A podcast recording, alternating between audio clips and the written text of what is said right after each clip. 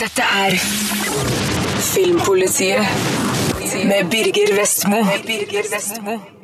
Dette er P3. Jeg skal anmelde Taken 2. Welcome to Istanbul. Mom, look at this. Oh, it's beautiful. Dad's the best, huh? Yes, he is. Etter den forrykende actionopplevelsen jeg hadde med den første Taken, er oppfølgeren en aldri så liten skuffelse. All action er nemlig nedtona og utvanna for å få den lukrative 13 års aldersgrensa i USA. Regissør Olivier Megaton har kanskje forsøkt så godt han kan med de restriksjonene produsent Luc Besson har pålagt han, men resultatet er en actionfilm som bjeffer mer enn den biter. Dad. Brian Mills, spilt av Liam Neeson, har gjort en sikkerhetsjobb i Istanbul og får selskap av ekskona Lenore, spilt av Famke Jansen, og dattera Kim, spilt av Maggie Grace. Dessverre er slekta til skurkene som Mills knerta i Paris på jakt etter hevn, og ødelegger ferien med å ta dem til fange. Men ikke alt går etter planen, og snart er jagerne de jagende. Listen to me carefully, Kim. Også den første Taken-filmen hadde 13-årsgrense i USA, men i en klippa versjon. Her i Europa fikk vi se en tre minutter lengre utgave. Dessverre er det ikke slik denne gangen. Vi blir også servert en tydelig dempa actionfilm, der all skyting og slåssing er klippa for å unngå å vise de verste konsekvensene. Jeg synes heller ikke at slåssinga flyter like bra som i den originale filmen. Det er åpenbart at noe mangler. Jeg fremstår kanskje som voldsforherligende, men når historien er så tynn som her, må jeg kun kreve sterkere virkemidler på actionfronten. You have 30 minutes. This is not a game. Det er òg flere logiske brister i filmen som er litt for store til å ignoreres. Blant annet finner jeg det latterlig at skurkene, som vet hvor farlig Mills er, kun binder han løst med plaststrips i umiddelbar nærhet av skarpe gjenstander. Og at dattera, som ikke har greid å ta lappen, plutselig kjører som garva stuntsjåfør gjennom Istanbuls trange gater. Det her er kanskje ikke en film med fokus på realisme, men det tas litt for store friheter med logikken her. Det er òg tydelig at budsjettet ikke har vært det største. Noen eksplosjoner ser ut som de er laga i Minecraft, og filmens finale er direkte dårlig. Alt er over på få sekunder, som om Megaton og B.S.O. ikke hadde råd til å avslutte med et smell. Come on, Kim. Move. Til tross for at denne anmeldelsen nesten kun inneholder innsigelser, ble jeg likevel delvis underholdt. Jeg liker jo fremdeles å se Liam Neeson spark skurkeræv, men filmen føles som en varm fis på en kald dag. Effekten går fort over, så jeg sitter igjen med en følelse av å ha blitt svikta. Noe kan kanskje reddes om Taken 2 blir utgitt på Blu-ray og DVD i en hardere versjon. Til da er det her kun en middelmådig popkornfilm som vil glemmes fryktelig fort. And I will kill them too. Dette er Filmpolitiet på P3.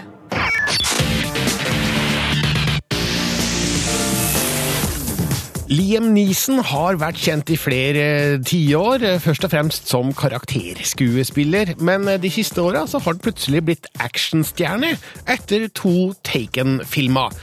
Litt uventa, men eh, morsomt og gledelig, i hvert fall eh, med den første filmen. Ikke fullt så gledelig med den andre, som jeg nettopp eh, har anmeldt, og som jeg gir terningkast eh, tre. NRK har møtt Liam Neeson, som forteller hva han kan bringe til bords som actionstjerne på over 60 år. The character's so unlike me. And it's it's fun to play people that are the opposite of who you really are, you know. I'll blow his brains out. Liam Neeson har vært med i over 50 filmer og spilt alt fra sexolog til gud. Det er ikke et opplagt valg å gjøre en 60 år gammel karakterskuespiller til actionhelt. Hva er det Neeson bringer til bords? Any performance on screen, you know, you should base it on some kind of semblance of reality. Whether it's a superhero or not, you know, you, you have to give them a, a humanity, you know, hmm. the audiences can recognize. Listen to me carefully, Kim. Your mother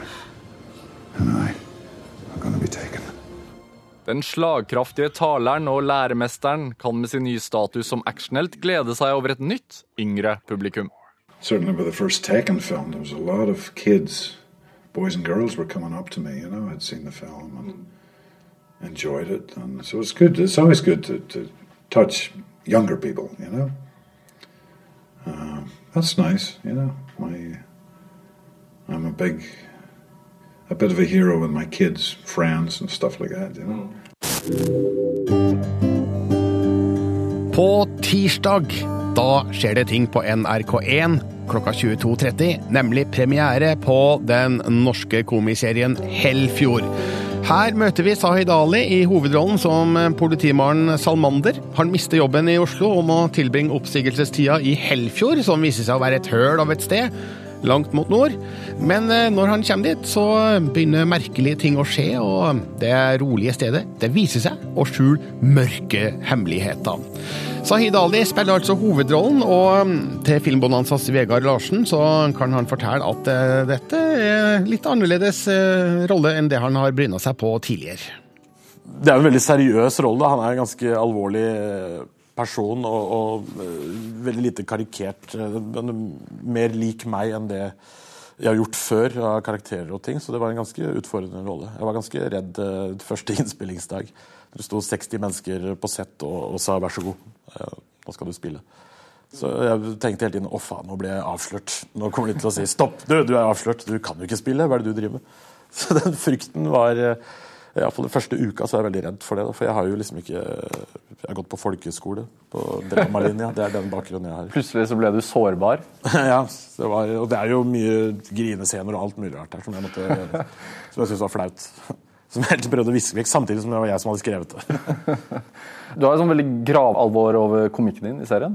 Mm. Uh, mye av komikken skjer jo rundt din karakter. Det er ikke du som står for uh... Nei, jeg server mye, og de andre Smasher. Ja, Hvordan er det å ta en sånn rolle? Det også var litt utfordring, fordi jeg er vant til å smashe sjøl. Men eh, det var det som måtte til for å få det til å funke. Så det var, eh, hadde jo masse ideer. og ja, fan, Kan ikke jeg gjøre sånn? Kan ikke jeg gjøre sånn? Ja, det er bra. Da kan han gjøre det, og så kan hun gjøre sånn. du eh, er jo aktuell med en TV3-serie nå også, eh, hvor du reiser rundt i småbygder. Eh, mm. I tillegg så har du turnert mye i Nord-Norge mm. Eh, med standup. Mm. Eh, Hellfjord er lagt til Nord-Norge. Og så veit jeg at du er i gang med to filmer som skal spilles inn i Nord-Norge. Ja, Stemmer det. Eh, det er, jeg liker meg veldig godt der oppe. Jeg syns det er veldig fin natur, og det er veldig tydelig at alt ser ganske herja ut. Eh, og så, jeg, så vet man så veldig lite om Finnmark i resten av Norge. og Jeg liker å spille på den mystikken om hvor lite man vet om Finnmark, så man kan legge til en del egenskaper og kvaliteter eh, og fordommer uten at folk vil reagere på det. Da, på en måte. Blir, jeg føler at Finnmark er litt sånn som Rohypnolen i Hangover-filmen. Uh, man tar en råhypnol, og så husker man ingenting neste dag. Og så treffer man Mike Tyson og slåss med tiger og alt. Uh, råhypnol funker jo ikke sånn. Men uh, fordi man ikke vet så veldig mye om det, så kan man liksom Så jeg føler at uh, Finnmark er, liksom, det er som å være i utlandet for veldig mange. Så Helfjord har gitt mersmak? Ja, og vi er jo veldig opptatt av at vi skal få en ny sesong på Helfjord. For vi har, liksom, vi har ideen og skrevet alt til toeren også. Så vi bare håper at eneren blir en suksess, så vi kan fortsette å jobbe med toeren. For det har vært utrolig gøy å jobbe med. Det sa Sahid Ali, som altså spiller hovedrollen i Hellfjord. Intervjuer var Vegard Larsen, og du kan se flere ting om Hellfjord i Filmbonanza på søndag klokka 23.20 på NRK1. Og så har altså Hellfjord premiere på NRK1 tirsdag klokka 22.30. Jeg skal anmelde en ny premierefilm. Har funnet et telefonsamtale fra en vitne som sier at det skal være noe mistenkt mord. Skandinavisk krim er kanskje inn, men med filmer som det her blir det kjapt ut. Regissør Lasse Hallstrøms 'Hypnotisøren' er nemlig en skuffende krimfilm med et lite troverdig plott og figurer som ikke kan tenke. Jeg liker ikke å være smartere enn historiene som blir meg fortalt, men her satt jeg gang på gang og irriterte meg over at de mest åpenbare ledetråder ikke ble fulgt. Noen gode skuespillere kan dessverre ikke redde her. Både Michael Persbrandt, Lena Olin og Tobias Siliakus hadde fortjent bedre. Hele hans familie myrdet. Mammaen, pappaen, lillesøsteren. Han er den eneste som er ved liv. Han er den eneste som kan gi oss ledtråd om hvem som har gjort det. Tre fjerdedeler av en familie blir myrda i Stockholm, og den overlevende sønnen er ute av stand til å avhøres. Men politietterforskeren Jonah, spilt av Siliakus, får hjelp av legen Bark, spilt av Persbrandt, som kan bruke hypnose for å hjelpe vitner egna til å huske. Men denne saken fører til en dramatisk utvikling i Barks privatliv, som gjør det personlig viktig for han med en oppklaring. Hadde jeg hatt den med hypnos på den parken, så hadde hade aldri hänt. Det her sammendraget virker kanskje streit, men eh, det er mer min fortjeneste enn filmens.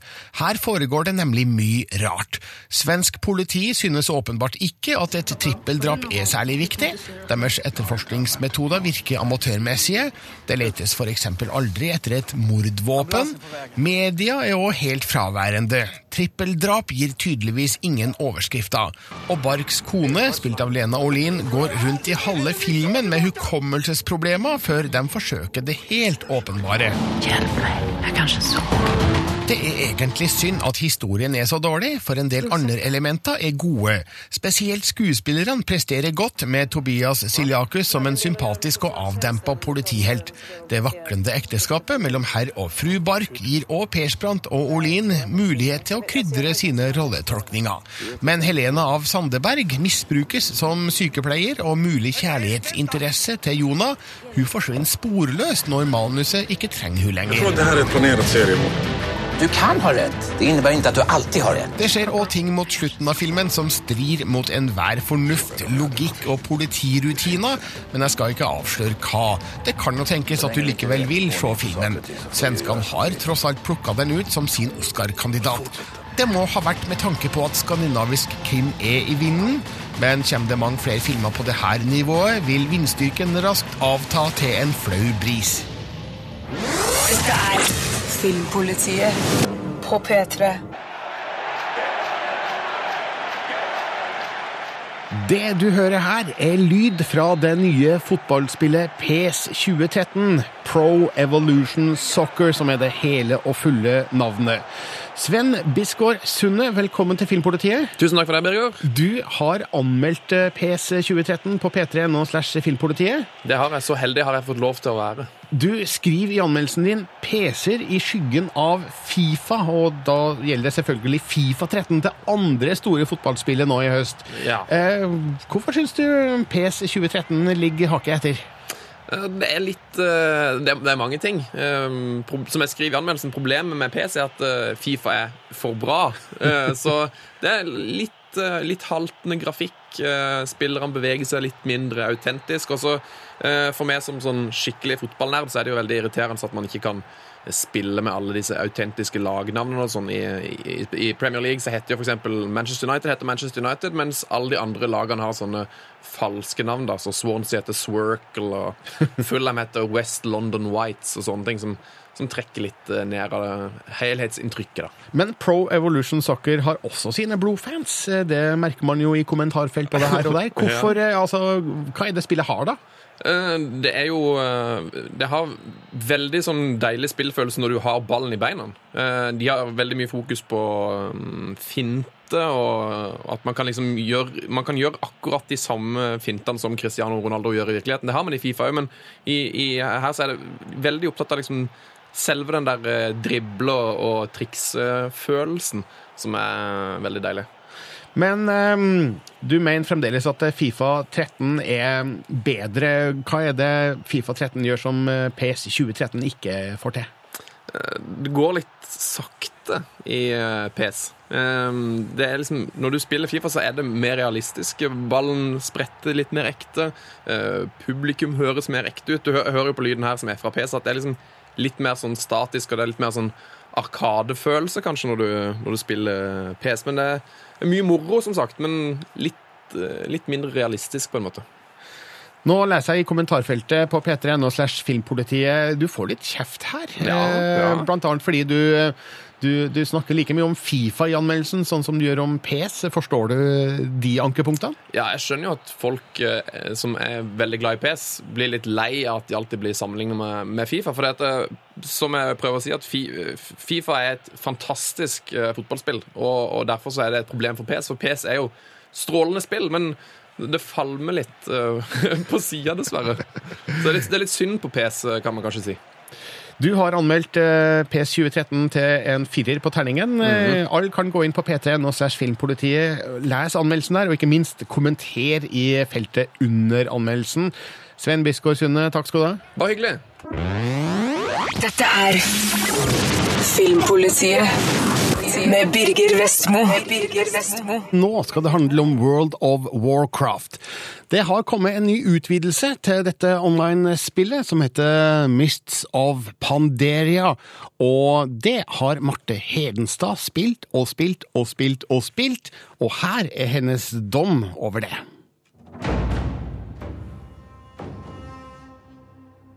To ask why we fight is to ask why the leaves fall. It is in their nature. Etter en drøy uke i Pandarias dype skoger og store gressletter kan jeg konstatere én ting. Jeg vil ikke forlate dette stedet. Med World of Warcrafts fjerde utvidelsespakke viser Blizzard nok en gang at WoW er kongen av MMO-spill. A message must lie within. What fate did the Emperor foresee? I World of Warcraft Mists of Pandaria tar vi turen til et helt nytt kontinent som har ligget skjult fra resten av Azeroth i tusener av år bak en vegg av ugjennomtrengelig tåke. Der har det vokst frem en fredfull sivilisasjon, urørt av uroligheter og krig. Når en storm kaster krigsskip fra alliansen og horden i land langs kysten, blir alt dette forandra, og krigen mellom de to partene vekker til live en ondskap som forgifter landskapet og innbyggerne i det. Og nå er det selvsagt opp til deg å redde Pandaria fra den sikre undergang. De tidligere utvidelsene i World of Warcraft får du en rekke nye områder å utforske i Mists of Pandaria. Du har åtte nye soner å boltre deg på, og det er tydelig at Blizzard gjerne vil at spillerne skal bruke mer tid i det nye universet. For det er ikke bare mye å utforske, det er også slående vakkert. Omgivelsene er designet med tydelig inspirasjon av kinesisk kultur, og med den storslagne og nydelige musikken du blir akkompagnert av i tillegg, byr Miss of Pandaria på mange gåsehudøyeblikk. Mists of Pandaria har gjort det gøy å spille World of Warcraft igjen. Oppdragene du får, har større fokus på å fortelle en god historie enn tidligere, og de er dessuten mer varierte. Du får selvsagt også de oppdragene der du må drepe 20 skilpadder og samle inn 40 blomster også, men når du først får disse, så er de pakket inn på en måte som ikke gjør dem så kjedelige. For selv i oppdrag som det her, så er den gode historien alltid til stede, og Blizzard har lagt inn flere videosekvenser som bringer historien i spillet videre på en nydelig måte. World of Warcraft sitter fortsatt på tronen i online-universet, og det er en glede å se at det fortsatt er liv i den gamle traveren. Denne utvidelsen snuser på sekseren på terningen. For my kind, the true question is what is worth fighting for?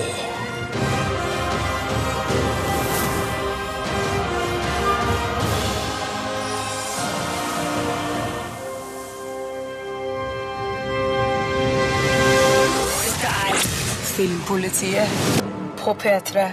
First pub crawl I did was when I was 16. Hit 22 pubs before I hurled. Got right back on the horse. Hit 10 more, hurled again. That's how I got the nickname Boot and Rally. Flere TV-serier de siste åra har forsøkt å vise oss hvor langt mennesker kan gå for å holde det økonomiske livet sitt i orden. I Shameless er figurene innom det aller meste av kriminalitet for bare å holde hodet over vannet. Familien Gallagher er mildt sagt dysfunksjonell. Far Frank er kraftig alkoholiker, og derfor har dattera hans, 21 år gamle Fiona, vært mor for sine fem yngre søsken. Familieforholdet de imellom er sterkt, men høgst uvanlig.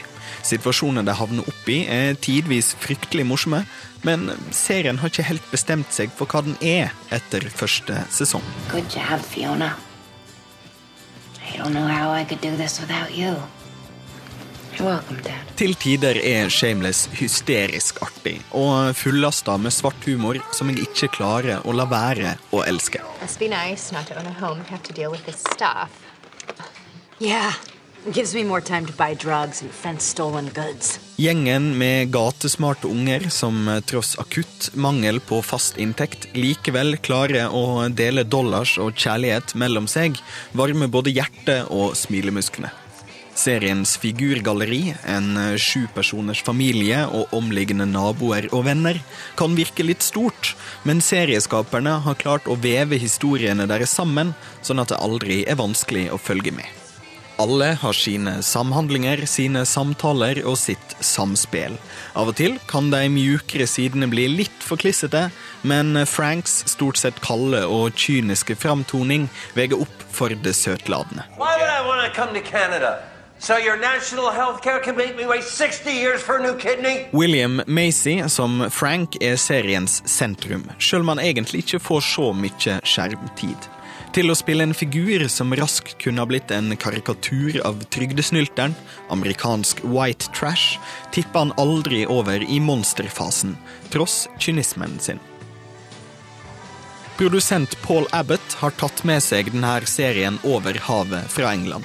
Jeg har ikke sett den britiske versjonen sjøl, men jeg har oppfatta at seriens framgang omtrent er en direkte kopi av originalen, uten at det nødvendigvis gjør noe. Satt i amerikansk kontekst fungerer det her veldig godt.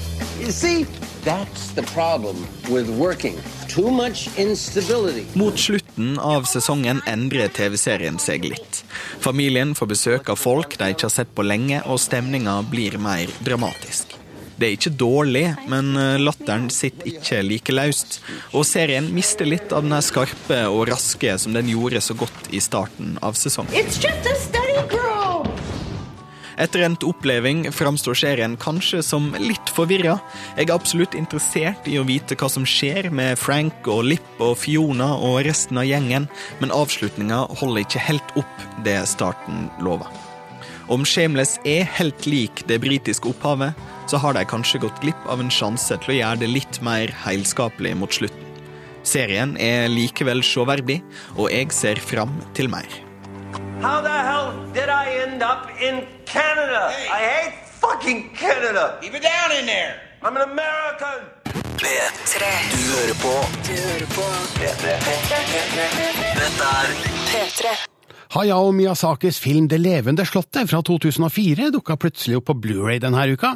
Her i Norge hadde en kinopremiere i oktober eh, 2005, og jeg har vært i arkivet og gravd frem anmeldelsen fra da. Ha det bra. Nei, vent, se! Der er jo slottet til Haure. Se på det. Der! Se så nært der. Å, ja. Ja, så sannelig. Lurer på om Haurud er i byen. Hollywood har slutta å lage håndanimerte filmer, men heldigvis har vi japanerne. Det levende slottet er siste film fra regissør Hayao Miyazaki og Studio Ghibli. Jeg er stor fan av hans forrige filmer, 'Prinsesse Monoke' og 'Shihiro og heksene'. Det levende slottet er òg en storslagen og eventyrlig film som lar fantasien fly fritt. Men historien er vag og har en kjempeskuffende konklusjon.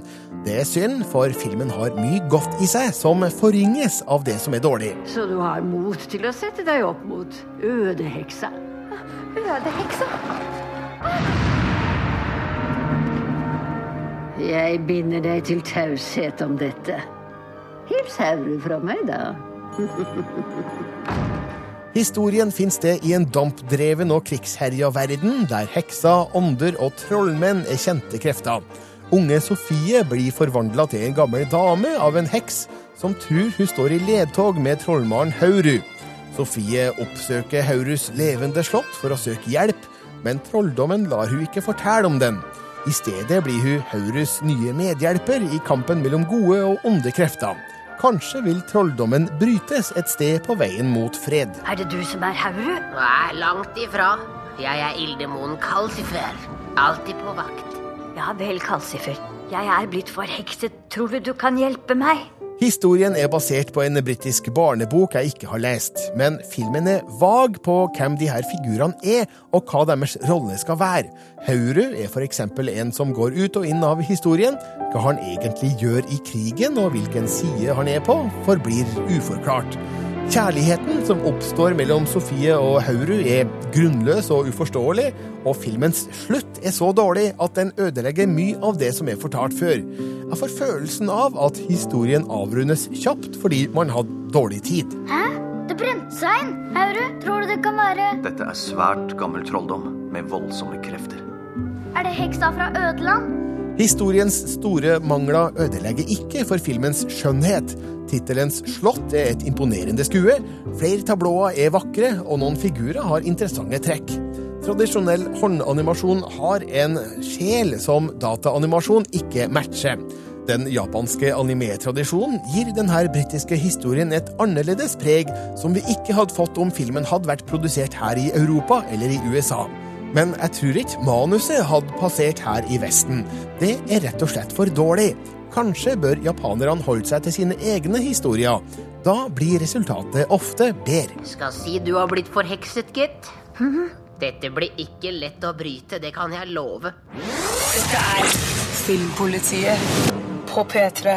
Denne anmeldelsen er fra 2005. Denne uka kom altså Det levende slottet ut på Blu-ray. Dette er Filmpolitiet med Birger Vestmo. Du hører nå en podkast fra NRK P3. Hent flere podkaster fra NRK på nettsiden nrk.no podkast. NRK P3.